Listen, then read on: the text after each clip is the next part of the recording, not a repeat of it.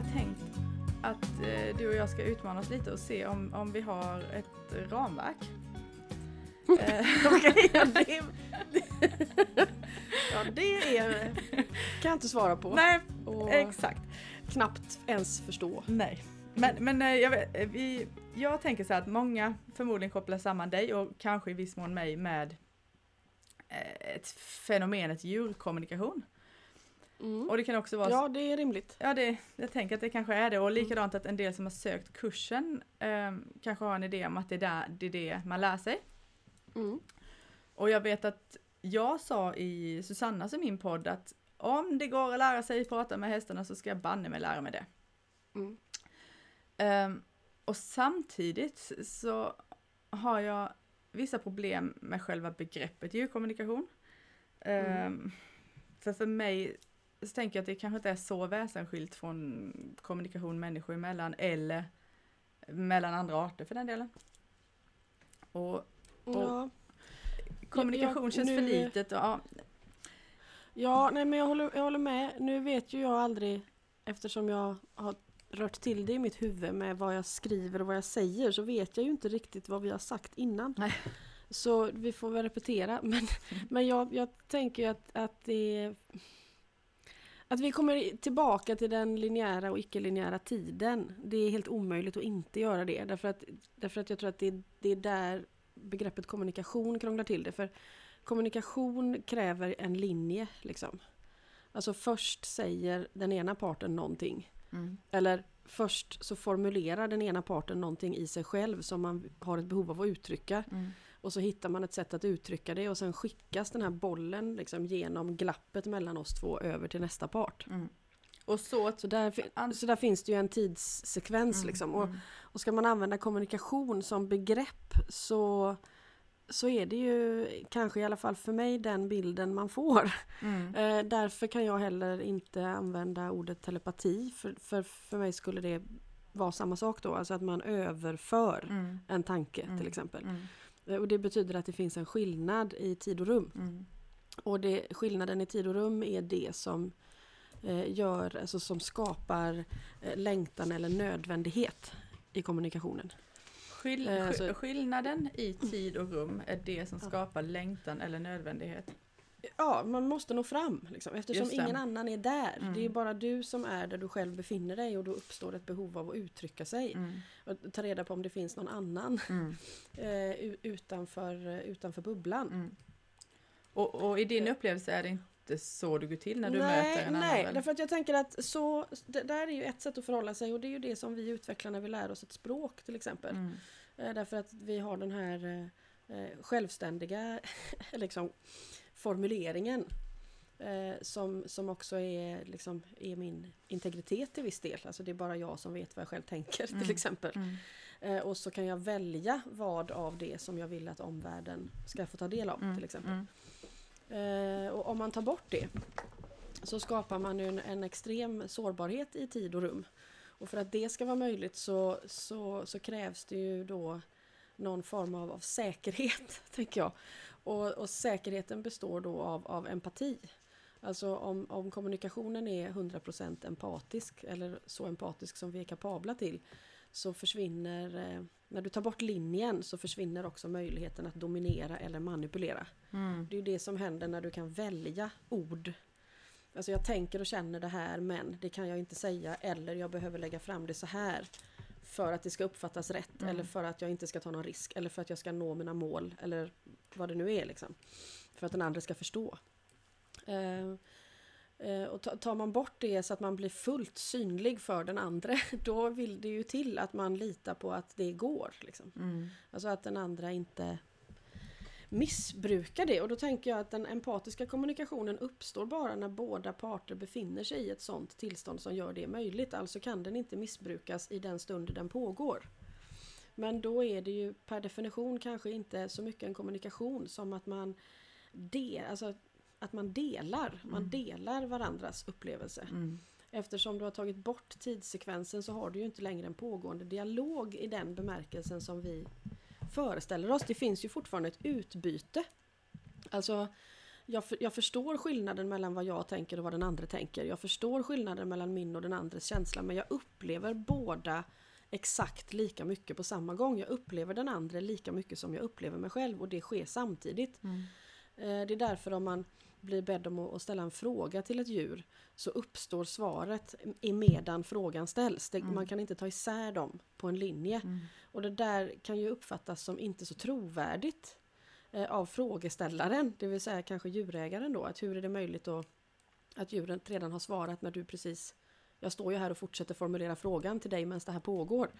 Eh, och, och för att förklara det så får man ju förklara, försöka förklara hela det här som Mm. i, sig är väldigt svårt att då, då behöver man, för att förklara det så behöver det icke-linjära gå in i ett, ett eh, begripligt tids, tidsbegrepp. Eh, vi behöver prata i sekvens och därmed har vi egentligen också gjort det omöjligt att förklara det. Det är det som är det svåra då. Och Mm. det svåraste i min arbetsuppgift. Mm. Mm. Och då kan man ju tänka sig, kan man, då, kan man lära sig att kommunicera med djur? Och tänka så här, ja det är, det är två vägar. Liksom. Det ena är, eh, kan man lära sig läsa av eller förstå ett djur väldigt väl? Eller, eller kan man träna upp en slags synsk förmåga?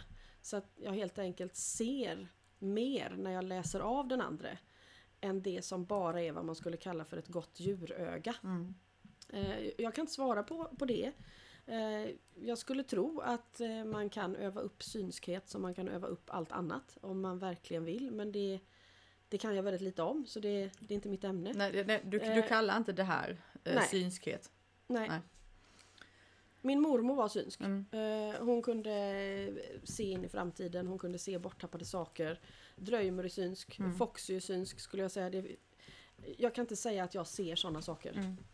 Alltså jag kan se eh, avlidna eller tidigare händelser eller så. Jag vet inte om det mer handlar om en kommunikation med platsen eller ett möte med den som är på andra sidan och att synskhet kanske är något annat. Mm.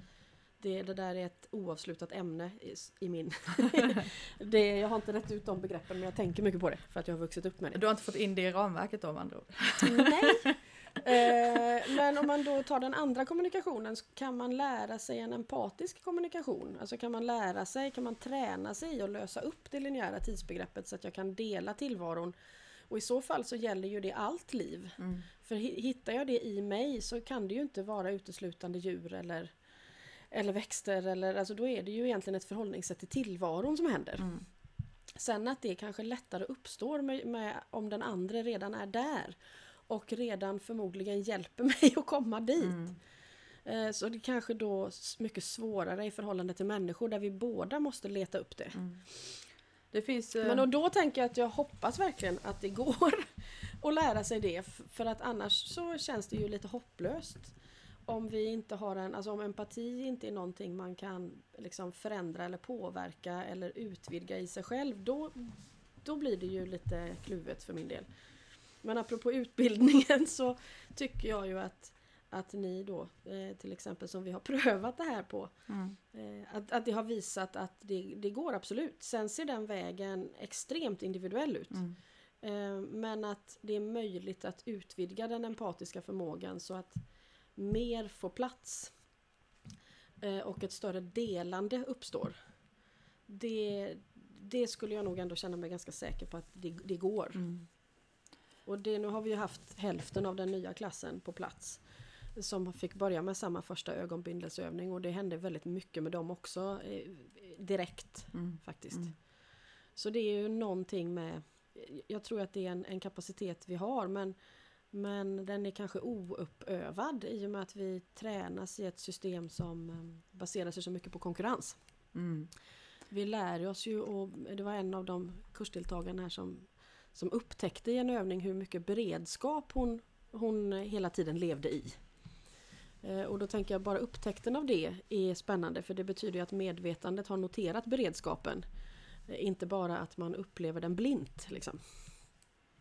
Men att det handlar mycket om det. Att vi befinner oss nog i en högre grad av beredskap allihop än vad vi och liksom automatiska skydd mer än vad vi Vi, vi förstår det tror jag vet också. om. Ja. Ja. Där, eh, som ett sidospår, jag, jag ska försöka styra in oss här lite. ehm, Mm, men, men först så skulle jag bara svara på det, att jag vet att även inom kronisk sakralterapin så, eh, så pratar vi om det. Och det kan vara alltså när man lägger sig på en behandlingsbänk och, och ska möta en terapeut, att, att bara uppmärksamma den som lägger sig där, hur utsatt det kan kännas för kroppen. Känns, Mhm. det, känns det bäst Absolut. om jag, hur nära får jag vara som terapeut? Är det bättre Mm. på den här sidan eller denna? Och precis den där medvetenheten som du sa att väcktes i eleven nu, Mhm. kan väckas där också och man får känslan av att shit, all, min kropp jobbar med allt det här utan att jag fattar det hela tiden. Ja, precis. Och det är nog Mm. inte så dumt. Eh, men, men du har nämnt några saker här nu. Det, det jag är ute efter är lite att, att placera det här i en större helhet eller ett större sammanhang. Mhm. Eh, eh, och du har pratat om den här empatin till exempel. Och det vore intressant att, att utforska var, var kommer den idén ifrån? Var kommer idén om icke-konkurrens ifrån? Till exempel, ja, så jag tänker att vi ska röra oss dels ifrån vad, vad du har fått med dig från, från olika djur. Men kanske också vore spännande att knyta samman det med vad du har fått med dig från mänsklig, om man säger så, universell livsfilosofi eller religion.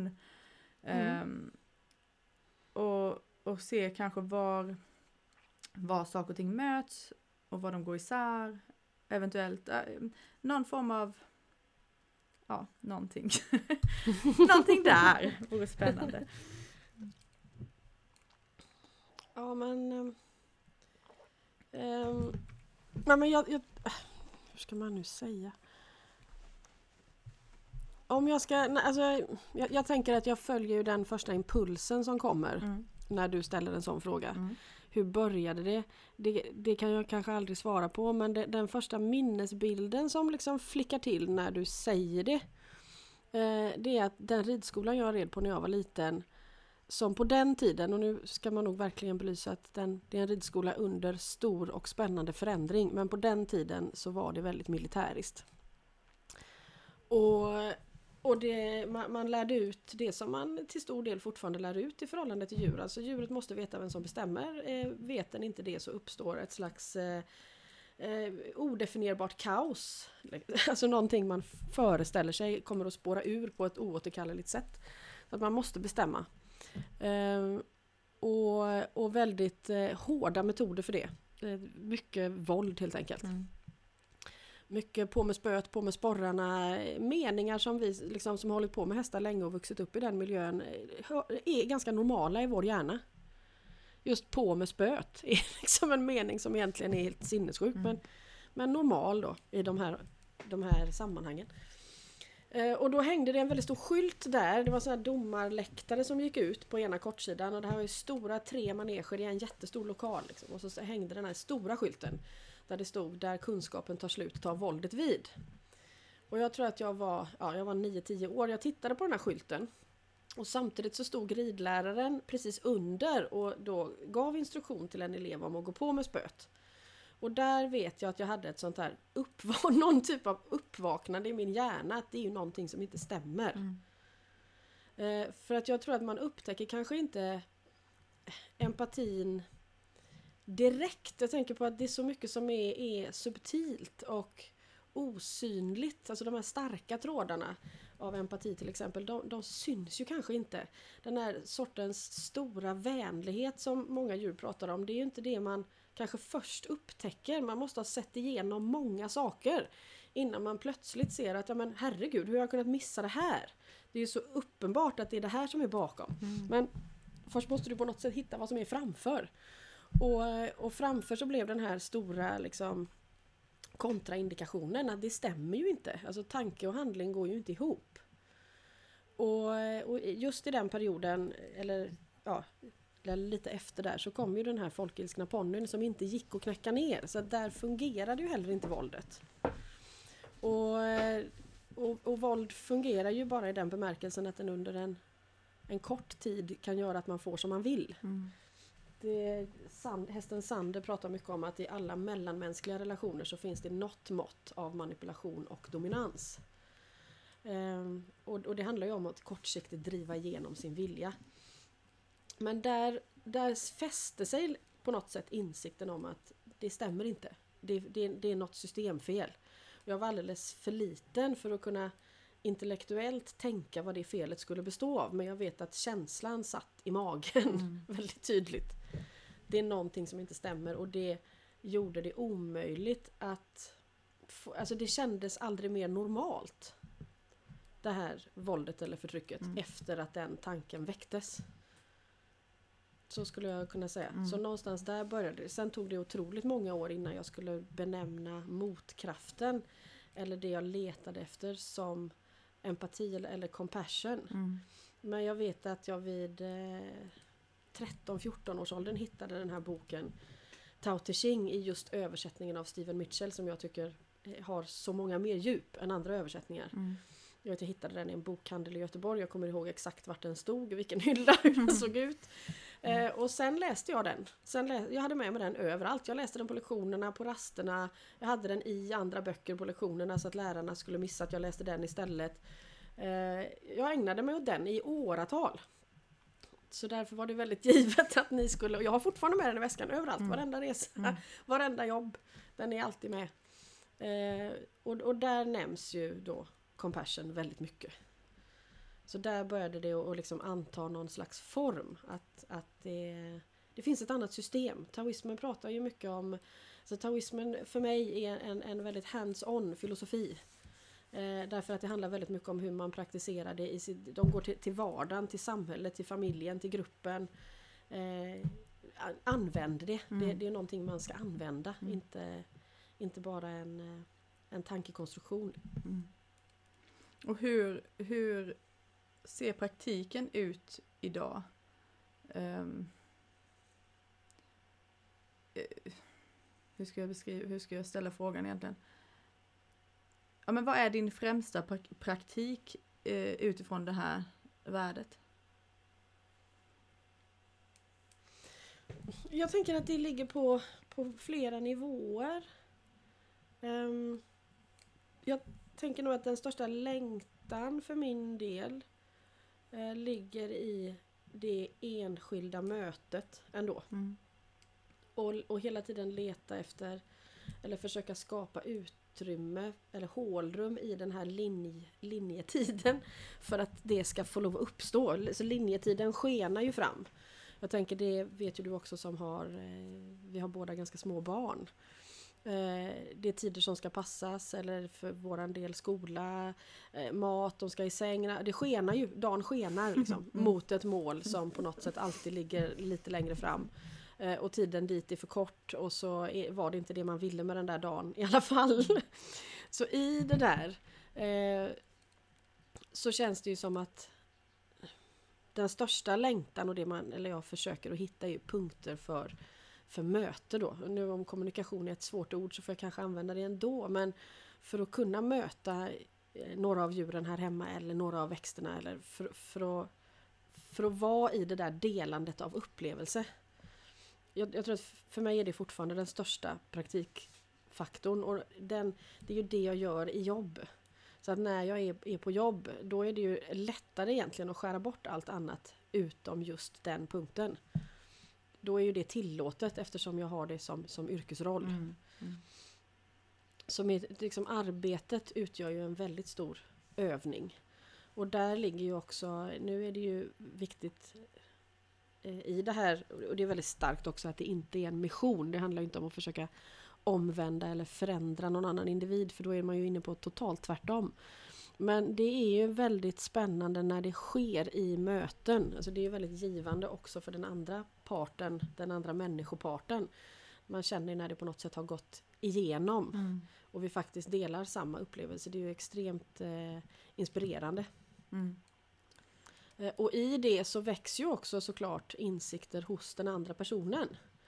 Om att eh, världen är större eller känslan går djupare eller att det finns andra dimensioner än vad som kanske fanns i medvetandet innan det mötet uppstod.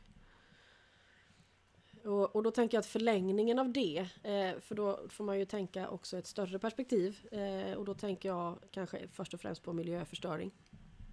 Som, eh, som en stor och komplicerad fråga. Eh, som det är vår skyldighet att göra någonting åt. Vi, vi måste det. Liksom. det. Så illa är det. Eh, och då tänker jag att ju mer empatisk man blir, ju svårare blir det att skada även, även andra arter indirekt. Mm.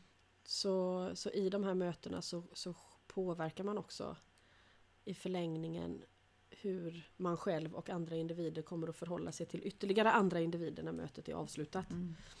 Så är det som en, en, en, en ständig övning egentligen? Ja, jag skulle säga att det är en ständig övning för att jag upplever ju ändå att motsatsen till empati skulle möjligtvis då vara en, en, en instängd form av självcentrering. Mm. Alltså där, där jag kan bara uppleva min egen upplevelse av, av det mina sinnen levererar till mig. Eh, och där kommer också behovet av kortsiktig tillfredsställelse och där är ju risken för att det sker på bekostnad av någon annan väldigt stor. Mm. Eh, Särskilt stor om nu andra arter inte har en manipulativ förmåga eller en självkorrumperande förmåga. Då, eh, ja, då, är det, då finns det ju en otroligt stor risk att jag sätter igång och utnyttjar någon annan innan jag vet ordet av. Mm. Vi, eller det, eller det, det kommer hända och det händer hela tiden. Mm. Så, så jag måste öva därför att med en gång jag inte, alltså apropå det här med påminnelser och glömska och så som också kommer upp mycket. Men mm. med en gång jag inte övar så är jag ju tillbaka därför att min jag startar ju från den här självcentrerade isolerade punkten och det är ju den jag återvänder till. Men sen blir den punkten större och större. Ju mer, ju mer jag övar så blir rummet större förhoppningsvis. Och det, och det där tänker jag, det är ändå spännande för att om man läser Tao Te Ching, eh, i den mån jag har gjort det, som inte är så länge, så finns det ju ändå ett, en, ett element av att, och, och också inom andra livsåskådningar om vi säger så, att, att saker och ting är som de ska vara just i detta nu. Eh, men, och, och, och allt vi behöver, allt vi behöver vara, är vi redan. Ehm, men det finns ju samtidigt, tycker jag, eh, överallt, den här idén om att, att det ändå krävs en, en, en praktik, en påminnelse, en övning ehm, för att uppleva det kanske, eller Mhm, mm. Ja, jag, jag förstår Ja. vad du säger. Mm. Ehm, jag vet att jag har skrivit om det här i något eh, kapitel i boken också nu helt nyligen. Men jag kan inte helt sätta det vart det är. Eh, därför att jag har haft den där upplevelsen som en insikt väldigt starkt. Särskilt vid ett tillfälle i Jordanien men också vid några andra tillfällen. Där det på riktigt, det är sant. Allting är exakt som det ska vara. Eh, och med exakt så, så är det verkligen in i minsta molekyl. Det finns inget fel i skapelsen. Och samtidigt så kan jag se, jag vet att när det här hände i Jordanien vid ett tillfälle och mitt i centrala Amman så, så vet jag ju också att ja, men kriget i Syrien är ett stenkast bort. Vi, liksom, åker jag lite närmare så hör jag det. Eh, och, och den insikten om att allting är exakt som det ska vara utesluter inte också insikten om att det finns inget försvar mot den sortens handlingar. Alltså jag behöver inte, inte tycka att kriget ska vara där. Mm. Men det är ändå exakt som det ska vara. Det här är väldigt svårt att förklara. Men jag, jag tänker att det är på två... eh, Det är på olika plan. Alltså det finns den... Det är liksom möjligtvis om man ska kalla det för gudomligt men ett enormt perspektiv. Där det finns en exakthet. Eh, och jag tänker också att om jag når den exaktheten så att jag vet att den är sann och det kan jag ändå säga att den erfarenheten har jag. Eh, och sen släpper det eh, därför att det är en glimt. Mm. Eh, Men man vet ändå om att den här platsen finns, den går att komma till. Jag kan inte säga, jag skulle inte kunna hitta den vägen igen. Det är, no, det är liksom nåd involverat också. Det, vägen måste hitta mig. Mm. Ehm, kanske har jag, har jag tur och, och får uppleva det igen, jag vet inte. Men jag har upplevt det. Ehm, men, men den här... eh, Om jag har den, den erfarenheten i mig som ett litet blueprint eller som en liten stämpel så kanske det ändå är lättare för mig att hitta exakt var jag ska vara när jag är tillbaka i den här lite trasigare världen. Jag vet att det var en, en just det, det var det, kanske det jag minns. Det var en häst i Jordanien som beskrev det som att det finns den här, att allting är exakt som det ska vara. Som på något sätt både blir en inre upplevelse och en yttre spegling. Och sen finns det den trasiga, ofullkomliga eh, individen här och nu. Och den här hästen beskrev det sen finns det en väg Det finns en väg mellan den, platt, den trasiga platsen och den fullkomliga. Och den vägen kallas för en läkeprocess. Det är det som är en läkeprocess. Mhm. Eh, och i så fall är ju den läkeprocessen till en otroligt stor del själslig eftersom den här insikten kan ju bara uppstå med en form av själslig närvaro i medvetandet. Den exaktheten går inte att se med blotta ögat om man säger så. Mm. Och hur, nu, nu är jag så här, nu är jag på varje begrepp här. Hur definierar du själen då? Ja, det är väldigt, väldigt svårt. Mm. Jag tänker det är lätt att blanda ihop själen med medvetandet men jag tänker att själen för mig är nog väldigt neutral. Är inte medvetandet det? Eh, jag skulle tänka att medvetandet på något sätt är, är, har en iakttagande förmåga men jag tänker att själen är större än iakttagandet. Ändå. Mm. Ja, Och för med- mig med- är, nog, med i- är nog själen är liksom varandet i liksom utan, utan formen. Mm, äh, Skulle du, så själen är evig då? Jämfört med... Mm, med ja, eh, jag skulle säga att, sjä, att, att själen är evig därför att det den består av eh, inte varken kan liksom eh, skapas eller bli, o, göras oskapad. mm. ja. men, men medvetandet i dess individuella form är inte evig då? Men finns det... Jag skulle ändå säga att medve, alltså medvetandet som princip skulle jag tro är evigt Mm. men, men, men, men personen i byts. Ja, precis. Och, Alltså den som, den som noterar medvetandet kommer inte att vara samma. exakt. Men va, varför... Så att medvetandet skulle kunna vara ett rum som man går i och ur. Men, men, men själen, då har man raserat rummet också. Eh, Okej. Det här, jag säger inte det här för att jag på något sätt vet att det är så. Nej, Jag, förs- jag Det- försöker att, att eh, utforska ta, liksom tankar som jag kanske bara utgår ifrån utan att ha ifrå, ställt frågor om det. Nej precis, alltså för, för det, det kan ju vara viktigt att säga att det går, det går ju inte att veta de här sakerna. Men man kan Nej. ju ha en, en, en låt oss kalla det upplevelse av det. Mm. Ehm, jag, jag kan inte säga att jag har någon egen upplevelse av själen nämligen. Men jag kan uppleva, eller, eller jag kanske inte ens kan uppleva medvetandet. Jag, medvetandet upplever mig. Mm, precis. Det skulle jag också tro. Att med, det är så. Medvetandet upplever mig. För när, när, när det byts, de gångerna jag har varit med om att det byts. Alltså att, att medvetandet skiftar från att gå från personen Emelie som letar efter själen till att medvetandet fastnar på själen Mm. eh, och tittar på Emelie.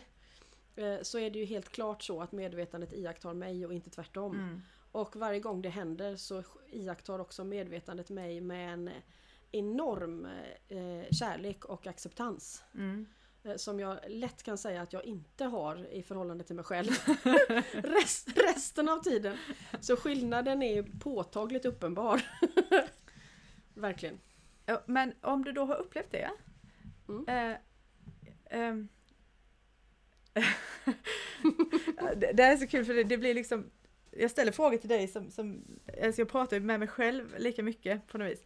Ja. Men eh, i och med att du har upplevt den där känslan av medvetandets ehm, eh, kärlek och acceptans blir inte väldigt ledande fråga.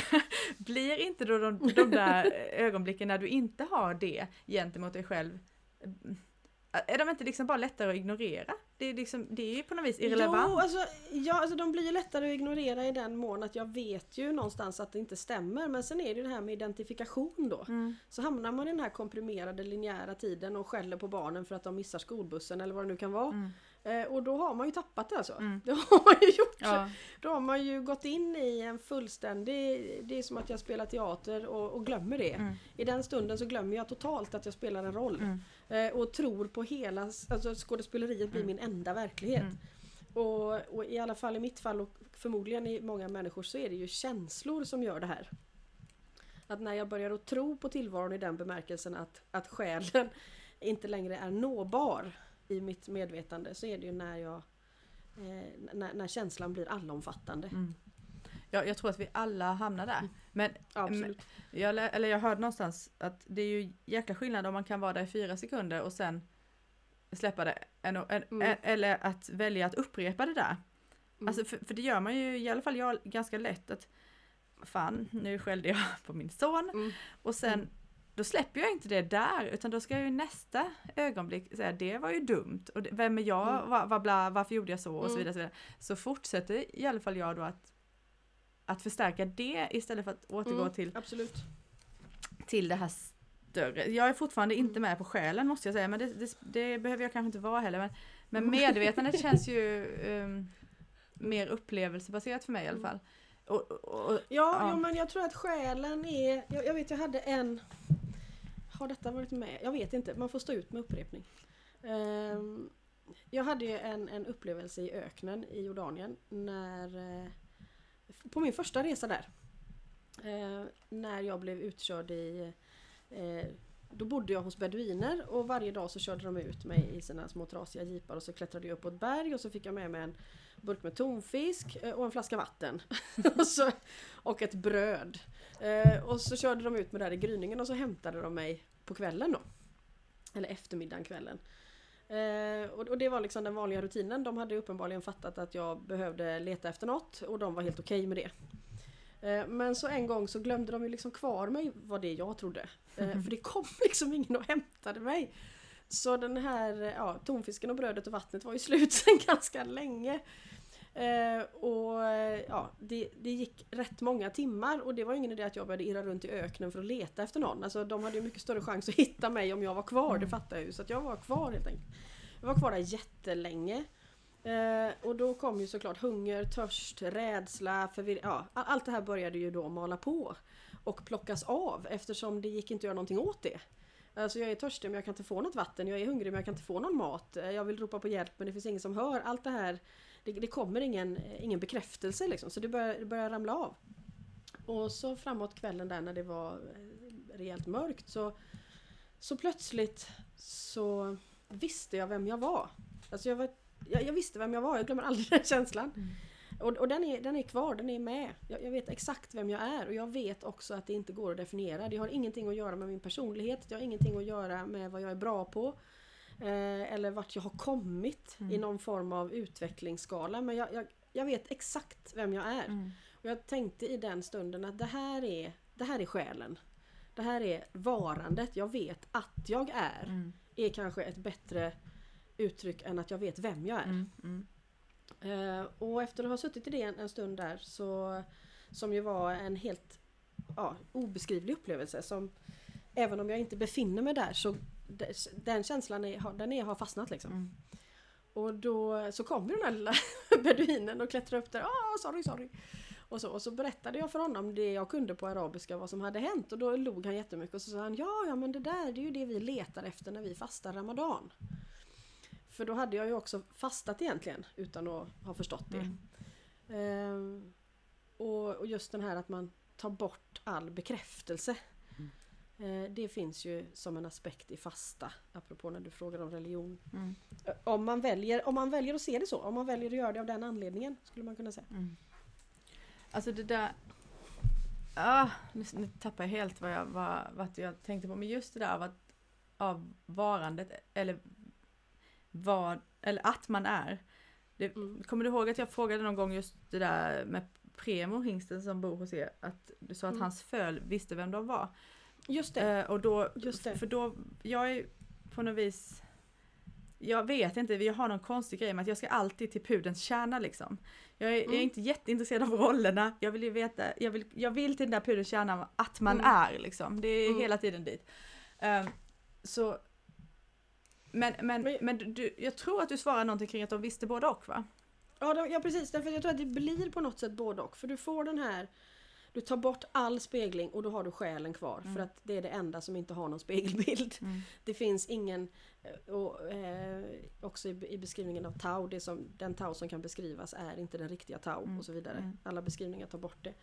Men när du har det, då har du liksom, jag tror att eftersom allting också konstant vänder till sin motsats i det ögonblick det uppstår, så får du ju också en bild av det enskilda väldigt klart. När man får det hela. Ja, Mm. eh, kanske inte exakt i samma ögonblick men i alla fall i anslutning till. Mm. Kanske man kan säga. Så att vem du då är i det här sammanhanget, just det, jag är. Mm. Allting annat är irrelevant. Och, men jag är också Eh, jag vet när jag hade, fick en av de här upplevelserna av att allting är exakt som det ska vara så förstod jag också att eh, då, då fick jag liksom två man behöver inte göra någonting därför att allting är fullkomligt samtidigt. Det finns oändligt mycket att göra. Jag vill Mm. ut i världen och bara ta mig an det på något sätt. Mm. Eh, och då förstod jag att men det, det kan inte själen göra därför att där själen befinner sig är ju allting exakt som det ska vara. Eh, så att själen kan inte ha någon längtan efter att förändra någonting. Det är väl det som är den här enorma kärleken och acceptansen som kommer ifrån det hållet. Men så kommer jag till den här världen, den, den trasiga, eller där sjukdomen finns eller hur man nu ska säga. Mm. Ehm, och, där, och där kan jag göra massor med hjälp av Emily för att Emily är ett redskap som jag kan använda hur jag vill. Mm. Det, det, det är min fulla frihet att, att använda eller att, att uppleva Emily om man säger. Ja precis, just Så- exakt det och- tycker jag är och, och, och då kan det vara naturligtvis väldigt relevant att faktiskt lära känna den här personen Emily. För, för att veta ja, men vem, vad är min roll då i det här stora när jag, när jag kliver ner eller liksom kliver ur det själsliga alltet där ingenting behöver eller kan förändras till världen där allt ständigt förändras. Vem är jag i det sammanhanget? Mm. Eh, och, och där kommer ju de här Vem är jag i flocken? Eller kanske man ska definiera Vem är jag just nu i flocken? Mm. Mm. Eh, för annars fastnar man lätt i att ja, men nu har jag hittat en ram. att den här insikten, jag vet att jag finns, jag vet vem jag är på den nivån, det är oföränderligt. Men allt annat är föränderligt. Så, och det kan jag acceptera när jag har hittat det. Eh, då, då kan jag acceptera att det är tillfälligt och att mina talanger kommer att växla och försvinna och förtvina och så vidare. Och det kommer att uppstå nya. Eh, och då skulle jag säga att Premos fölungar har varit medvetna om båda de sakerna. Därför att jag tror inte man kan vara medveten om det ena utan det andra. Mm. Säga, jag vet att jag är och jag vet vem jag är just nu. Mm. Och de har varit väldigt bra på att förmedla det. Eh, när de har varit nyfödda har de kunnat liksom Det här är vad jag ska göra det här livet. Mm. Punkt. Mm. Jag vet Meja tror jag var två timmar gammal. Hon föddes ju också, hon har ju den speciella upplevelsen av att Premo, Premo var med när hon föddes. Så hon hade ju sin mamma och pappa med i födelseögonblicket också. Eh, och förmedlade då att jag, i flocken ska jag varna för fara. Mm. Det visste hon efter två timmar. Mm. Eh, och det betyder inte att hon är låst vid en identitet utan för det skulle vara något annat. Låsningen vid identiteten sker när den själsliga förankringen inte finns. För då letar du efter det eviga på fel ställe. Alltså du letar efter någonting som du kan eh, cementera eller sätta fast eller verkligen veta. Mm. Av allt liksom, så, men det här vet jag ändå. Den här mannen ska jag vara gift med. Eller Mm. det här jobbet ska jag ha. Eller det här huset ska jag bo i tills jag dör. Eh, Men det blir en väldigt blek kopia av den verkliga insikten om vad som faktiskt är evigt. Det är väldigt kul det här samtalet därför att just, Mm. just det du svarar på nu, den frågan fanns ju där i mig. Mm. När det, ja, just med identifikationen. Så någonstans Mm. eh, så kanske vi också faktiskt eh, lyckas göra jag det här men även i ett, ett Men det, samtal. förlåt, Mm, nej, jag, så här, det, det är två sorters tomhet tänker jag. Mm. Alltså det ena är, är själen som inte kan definieras. Där har du ju liksom ett jag vet att jag är själen för jag har upplevt det. Men det är tomt. Alltså jag kan inte ta på det, jag kan inte beskriva det, jag kan inte... Inte mer än vad jag har gjort nu. Mm. Eh, och den gör att allt... Har jag min liksom... Min förankring i vem jag är där. Då får, då får ju identifikationen... Eh, den, den kan inte fastna där. Mm, mm. Men så har du den andra tomheten, alltså inget själsligt medvetande. Det är tomt på riktigt. Och då blir du ju din spegelbild hela tiden. Spegeln visar ingenting annat än det du hela tiden ser och känner och där har du identifikationen Mm, tror jag. mm. Ja, det är bra. Och det är därför det blir så förvillande likt. Eh, Tomhet och tomhet. Ja, Mm. Och det vet jag att Pyret pratade väldigt mycket om. Jag kanske inte har fattat det förrän nu i det här samtalet faktiskt. Men Pyret pratade hela tiden om, alltså den första ponnyn, hon som kom från den här ridskolan. Mm. Och som gjorde en full själslig upplysning medan hon levde. Eh, att det, hon talade hela det finns två sorters tomhet. Mm, mm, Du måste förstå att det finns två sorters tomhet och hon upprepade det väldigt mycket. mm. Och nu ja, kan jag ändå se den bilden på ett annat sätt faktiskt. Mm, mm. Det, det för mig in på, vi får en del lyssnarfrågor. Mm. Och eh, ehm, jag, tycker, jag tycker att vi i detta här samtalet har lyckats, lyckats vet jag inte, men vi har åtminstone eh, försökt att att tala om det som ändå är svårt att tala om. Eller tala Mm. om det som, som kanske måste upplevas eh, och inte förstås. Men Mhm. eh, lyssnarfrågan är, om det ni säger inte kan förstås, vad säger ni då? Och varför säger ni det?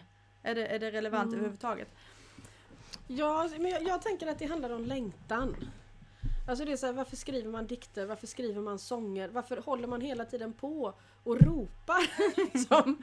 För det är ju det man gör. Mm. Man ropar och så har liksom vi hittat varandra. Det är många, det är många som har eh, till mig kommenterat det du sa kanske i den första eller någonstans där att jag, skulle, jag vill fortsätta prata fast samtalet är slut. Eh, Det är väldigt många som kan känna igen sig i den känslan uppenbarligen. Eh, Och, det, och jag tänker att det är det här att man, vi har ju ett väldigt stort behov av att uttrycka det vi upplever och vi, vi, liksom, det vi ropar ut i en öken. Vi hoppas så innerligt på att det finns någon. Mm. Eh, och, och jag tror att det är det vi... vi eh, eh, för det är klart att om det ändå inte kan förstås eh, men jag tänker att om jag nu inte vill bli av med den där känslan, jag vill inte ut ur det här rummet där samtalet pågår. Mm. Eh, då vill jag ju inte ha ett svar eller en begriplighet. För då tar det ju slut också. Mm. Just det, Det vet då är jag det jag- färdigt att jag- och ihoppackat Ja. liksom. Mm. Och det vet jag att jag har tänkt väldigt mycket på också redan som liten. Att jag hoppas verkligen att, att Gud inte kommer med något svar alltså. För att eh, jag vill inte att det här ska ta slut. Ja, vad spännande.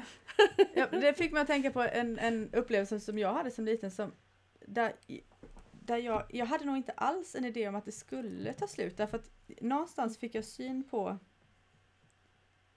eh, ja, men mitt inre liv eller vad vi ska kalla det Mhm. och, och slogs av storheten i det. Och nästa steg så slogs jag av att andra människor också har det så. Och att Mm. alla i den här byn på 400 människor har det så här. Mm. Vilken enorm vilken enorm grej liksom! Och, jag, och Ja. då hade jag inte ens gått utanför den byn för det var liksom eh, Mm. ja, Nej, varför, det behöver du barnets inte fa- heller. Nej precis! Mm. Ehm, så, så för mig fanns nog inte rädslan för att det skulle ta slut. Så det är väl lite intressant eh, Mm. jämförelse kanske. Jag tror att, att rädslan för att det ska ta slut fanns hos mig. Eh, den har alltid funnits hos mig. Eh, eh, jag har alltid haft någon slags ehm, eh, grundläggande existentiell ångest. Liksom. Mm. Eh, och jag tänker att den kom för att min pappa dog väldigt plötsligt när jag var hemskt liten. Och då blir det väldigt uppenbart att världen förändras från en sekund till en annan och det måste du förhålla dig till. Men om jag tänker efter så var det ju inte riktigt så det var utan det där, den känslan fanns innan. Mm. Sen ka- kan ju det, den situationen ha förstärkt det. Men just det här eh, någon del av mig, trots allt det jag hittills har berättat idag, så är det ju någon del av mig som bara inte accepterar förgängligheten överhuvudtaget. Liksom. Mm. Jag vill eh, eh, jag vill ha kvar det och så övar jag att släppa taget och så älskar jag att släppa taget och så ja, det, går, det är en rundgång hela tiden. Ja, det måste det väl vara. Men, ja, men, men du har, du, om, om jag jämför dig och mig så har du ju ett annat tempo än mig och kanske en annan liksom griper. Mm. Jag är långsam i jämförelse. Ja men alltså allting har ju sin plats. Alltså för mig så tror jag att, att ehm, jag, jag är medveten om att jag lever med en väldigt hög grad av intensitet. Och, och det tänker jag det är väl en av eh, då det här om, om det nu är så att, att själen just nu har tillgång till Emily så är väl den intensiteten en del av vad det är att vara just Emily då, just här och nu. Mm. Eh, och i andra sammanhang så kanske man hade diagnostiserat den intensiteten på något sätt. Eh, men, men jag har hittat sätt att leva med den. Och tänker att det finns vissa fördelar med att inte sova så mycket eller ja, ha många bollar i luften eftersom det behövs i mitt jobb Mm. till exempel. Eller ja, man Mm. får ju vända det till något. Ja. Men den är ju liksom svår att bemästra för de som lever nära, alltså i familj och så. Mm. Nu har ju barnen också den intensiteten. Eh, så att det, Det det står ju, står ju, ja, det står ju på rätt bra. Eh, men jag tror att den också eh, beror på eh, det här eh, jag tänker att i ett liv så har man ju vissa kärnhändelser där det väldigt tydligt finns ett före och ett efter och i mitt fall så finns det ett före och ett efter när min pappa dog. Mm. Och jag vet att jag stod i ett vägskäl och även om jag bara var fem år så var jag väldigt medveten om vad, vad det där var. Eh, och jag, jag förstod att nu, nu får du välja här. Alltså Antingen så får du nu bestämma dig för att vara rädd för allting eh, och inte fästa dig vid någon. Eh, Eftersom allting kommer att försvinna. Du vet att allting kommer att försvinna. Du måste förhålla dig. Du kan inte tänka bort den tanken för den har blivit verklighet. Mm.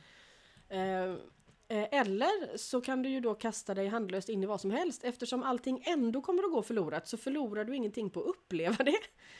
Det, det, det är ju det andra förhållningssättet och då vet jag att jag tänkte att nej men det vill jag hellre, jag, jag gör hellre så då. Mm. Eh, därför att jag, jag kommer att bli sårad. Det är ingen idé att tänka jag ska inte bli förälskad för jag blir bara sårad. Jag vet att jag blir sårad. Så kör! Mm. Eh, för du är i alla fall inte sårad just nu.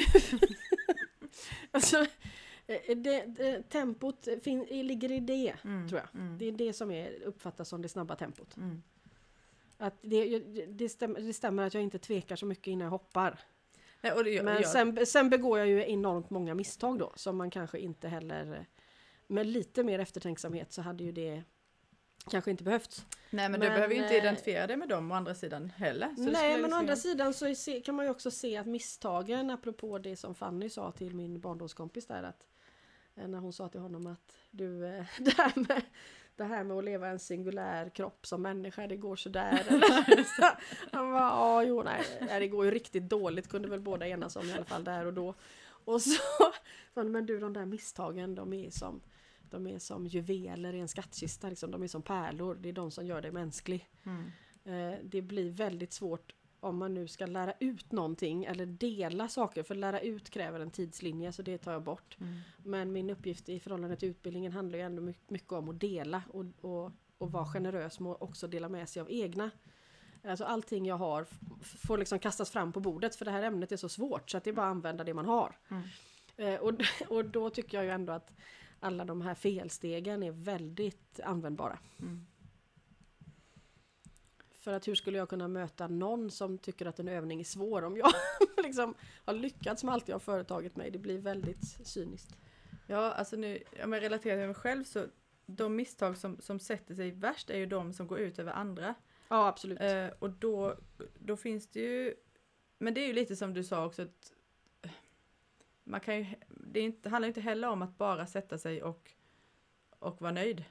Eh, men men att, att, för mig i alla fall så finns det utvecklingspotential där att, att eh, fullt ut ta ansvar för Mm, misstaget absolut. utan att gå in i, i någon form av, ehm, ja, eh, sitta där som ett offer. För, det, Mm, liksom. ja.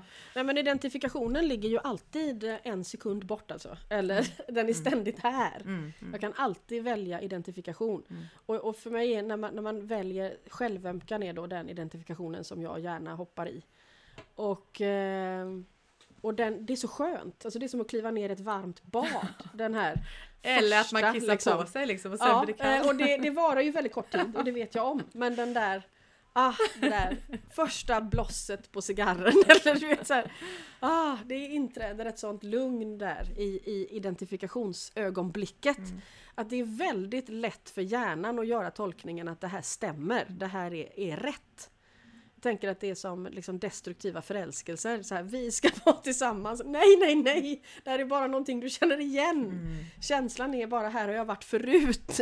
Det, hjärnan säger inte här ska du fortsätta vara. Men, men det, den där första känslan är, är väldigt behaglig. Mm.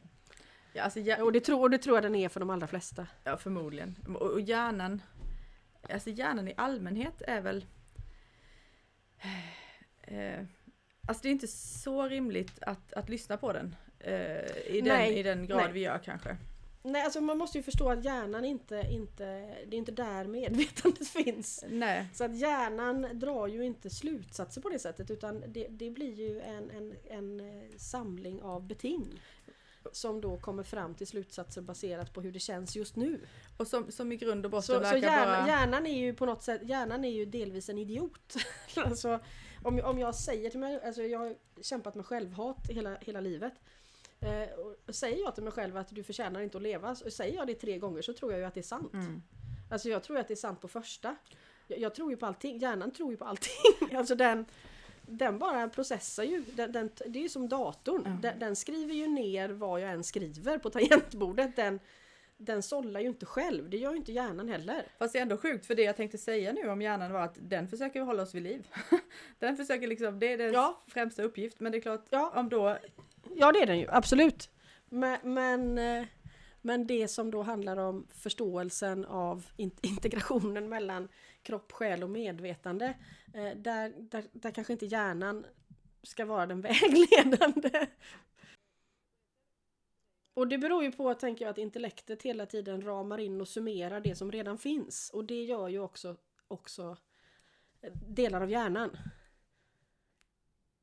Berättade jag för dig vad Dalai Lama hade sagt om det här med självhat? Eh, nej, eller det vet jag Nej. inte. Nej, Men säg det gärna igen. Eh, nej men någon hade ställt en fråga om det i något sammanhang. Och eh, det uppstod en liksom jätteförvirring därför att det gick inte att översätta. Hmm. Eh, det ordet fanns inte, det, det gick liksom inte ens att hitta ord för, för att komma fram till det, Mm, liksom eh, fenomenet. Och, och, och, men de jobbade hårt med det och till slut så så sa han bara That's just wrong! liksom, I princip, Mm. Ja. det, det går liksom Nej. inte. Det, det är liksom Mm. så långt utanför Mm. eh, nästan möjligheten. Mm. Ja, ehm, det kan ju vara som en, Ja, jag tänker att man... ett perspektiv ja, att ha med sig när man ja, hamnar man där. kommer ju inte heller längre bort ifrån skaparkraften än så. Kanske. Alltså att, att du Nej. hatar din skapelsen liksom. Om du hatar dig Mm. själv så gör du på något sätt det. Samtidigt så finns det ju precis vägg i vägg med det här totaldestruktiva då. Som inte leder någon vart. Eh, så finns ju också förmågan att överlämna sig och, och sådär. Jag klarar det inte längre, jag måste ha hjälp. Mm. Eh, Mm. Det finns ju också där. Precis bredvid. Mm. Ja, Så- på tal om att det så- finns det hela liksom. Ja. Mm. Så Eh, det är ju genom samtalet- aldrig, Ja, ja, det finns ju alltid vägar någonstans. Och ja, för vissa av oss, eller när man tittar på någon annan så även sin egen väg, så är det ju det destruktiva väldigt obegripligt. För att det finns ingen logik. Och ändå så ligger det som du säger precis bredvid Mm. en öppning kanske. Precis. Mm. Genom det här samtalet så har jag tänkt på den där övningen som vi gjorde i, i vattnet i sjön i Skalleröd. Ja. Mm. Och jag ska se om jag, om jag minns den, annars får du fylla i. Mm. Eh, men att, att som människa kliva ner i vattnet och göra sig synlig. Just det. Mm. Att, att inte vilja moderera det den andra ser eller upplever av en. Mm. Ehm, utan eh, ja, ge sig hän kanske eller Ja, eller jag, jag visar mig sådan som jag själv. är. ja, Jag, försöker, och att, ja, jag styr inte, jag, jag accepterar att jag inte kan styra din bild av mig. just det. Och att djuren och naturen kanske hela tiden befinner sig där. Mhm. Men, Medan man som människa kan välja att kliva i, i och ur. Just det. Just det. Och att därmed kan djuren också välja att kliva i och ur samtalet, om vi nu då Mm, kallar det ja, det, precis. med en Mm, människa. Ja, jag, är med. Det är precis det vi började med faktiskt. Ja. Mm. Den, när, när jag repeterade eh, förra året, eller om det nu är två år sedan vi gjorde den, jag minns inte. Det är tror förra året. Ja. Ja, då, då eh, slog den övning, mm, övningen mig igen liksom. Hur, Mm. hur starkt det var och, och kanske också som ett, ett steg i ändå någon form av eh, förståelse för eh, för, för förståelsen fanns ju i upplevelsen. Mm. Ja Ehm, precis. Jo men jag förstår. mm, Och där handlar det ju om att, att släppa sin historia fri på något sätt. Alltså jag, Mm. jag lämnar den. mm, Eh, och därmed återvänder den också. Eller därmed kan jag delta. Och det var ju, det var ju Premo som gav den övningen faktiskt. Apropå mm, att Premo figurerar i dagens samtal. Ja, den var... Den, för mig var den, tror jag, en, en, en ganska stor ögonöppnare Mm. för... Ja, men lite, ja, där vi började i samtalet, Mm. liksom, vad, vad är det som sker när, när man möts? Mm. Eh, Ja, och när- eller vad som kan ske? Vad finns Ja, vad är och, och när, man, här? när man går i istället för att sitta på varsitt håll och leverera det vi vill att den andra ska se. Jag tänker att i, med, i och med delar av sociala medier och så så har ju det där förstärkts. Alltså möjligheten att skicka ut en retuscherad bild har ju blivit väldigt stor. Mm. Eh, och det kanske också skapar en mer påtaglig längtan efter det som inte är tillrättalagt. Att det väcker en, eh, Mm. en eh, längtan kring en annan sorts möte. Mm. än, än möten som till stor del baserar sig på jämförelser. Ja, jag, jag, jag hoppas det om man nu får vara så krass. Eh, därför, jag, därför att den, den, det andra hållet på pendeln är ju att, att det blir det enda man, man Mm. vet om. Eh, och på tal, om, på tal om medvetenhet och jämförelse, bara för att det var någon, en meditation jag gjorde idag. För, för det som precis händer där i, i jämförelsen i mellan den andras i, vad heter det, identifierade bild och ens egen. Eh, om man jämför det med, det, vi kan göra den övningen nu bara för skojs Mm. skull. Om man bara tittar på två saker, Mm. i, en- det kan vara vad som helst, Mhm. så, så ser man, kan man jämföra dem och se att den ena är relativt sett större än den andra och den Mm. andra är relativt sett mindre. Eh, men om vi jämför det, eller nej inte jämför det, men om vi istället bara tittar ut genom våra ögon Mm. Ja, och förstår. ser, ja, och ser ehm, ehm, det visuella fältet, Mm.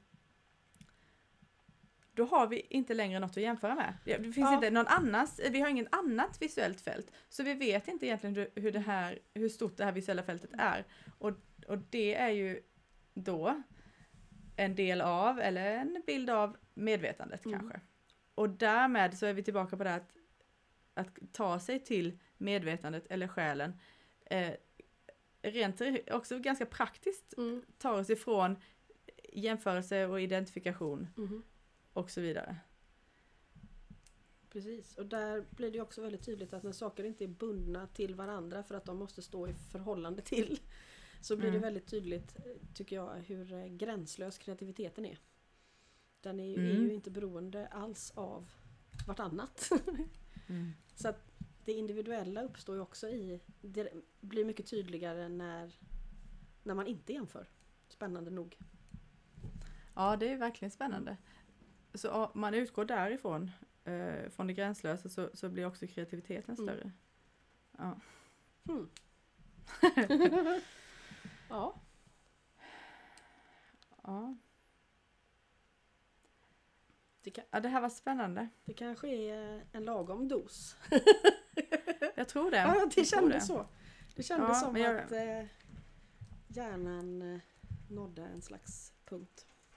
Ja, min, min, eh, min räknare säger också en timma. Ja, Så, så, och det regnar ute, gud vad glad jag ja blir. du ser. Ja, det, det är precis lagom. Själv ska jag liksom snart hämta upp barnen och så ska vi ut och galoppera på en okontrollerad tur med Sintra som gör att jag alltid har lite ont i magen. Ja, jag blev bara så avundsglad när jag, när jag läste att du skulle göra det. Så himla härligt. Ah, Ja, ja. det, den innebär många utmaningar den där rundan. Vem sitter barnen på då? Eh, än så länge så är det bara Mariam som får vara med för att hon kan sitta kvar på Mm. en eh, annan ponny Mindy. Eh, och Miral, det, det går inte att springa med så Miral får vänta tills hon är Hon hade nog kunnat vara med och sitta på Saga framför Lisa men hon gjorde det igår på en annan tur. Så. Mm. Men vi ska ut på en meditativ eh, ridtur sen ihop med Fanny och några. Så Mm. det är två, det två spår ska vi ut på idag. Härligt. Ja, på tal om att det alltid är två spår, eller? Och sen är det lite mera vanliga eh, ridlektioner och kommer det lite vanligt jobb efter där. Bra. Nej, men då tackar vi väl för idag och så ses vi om ett par veckor. Ja, det gör vi.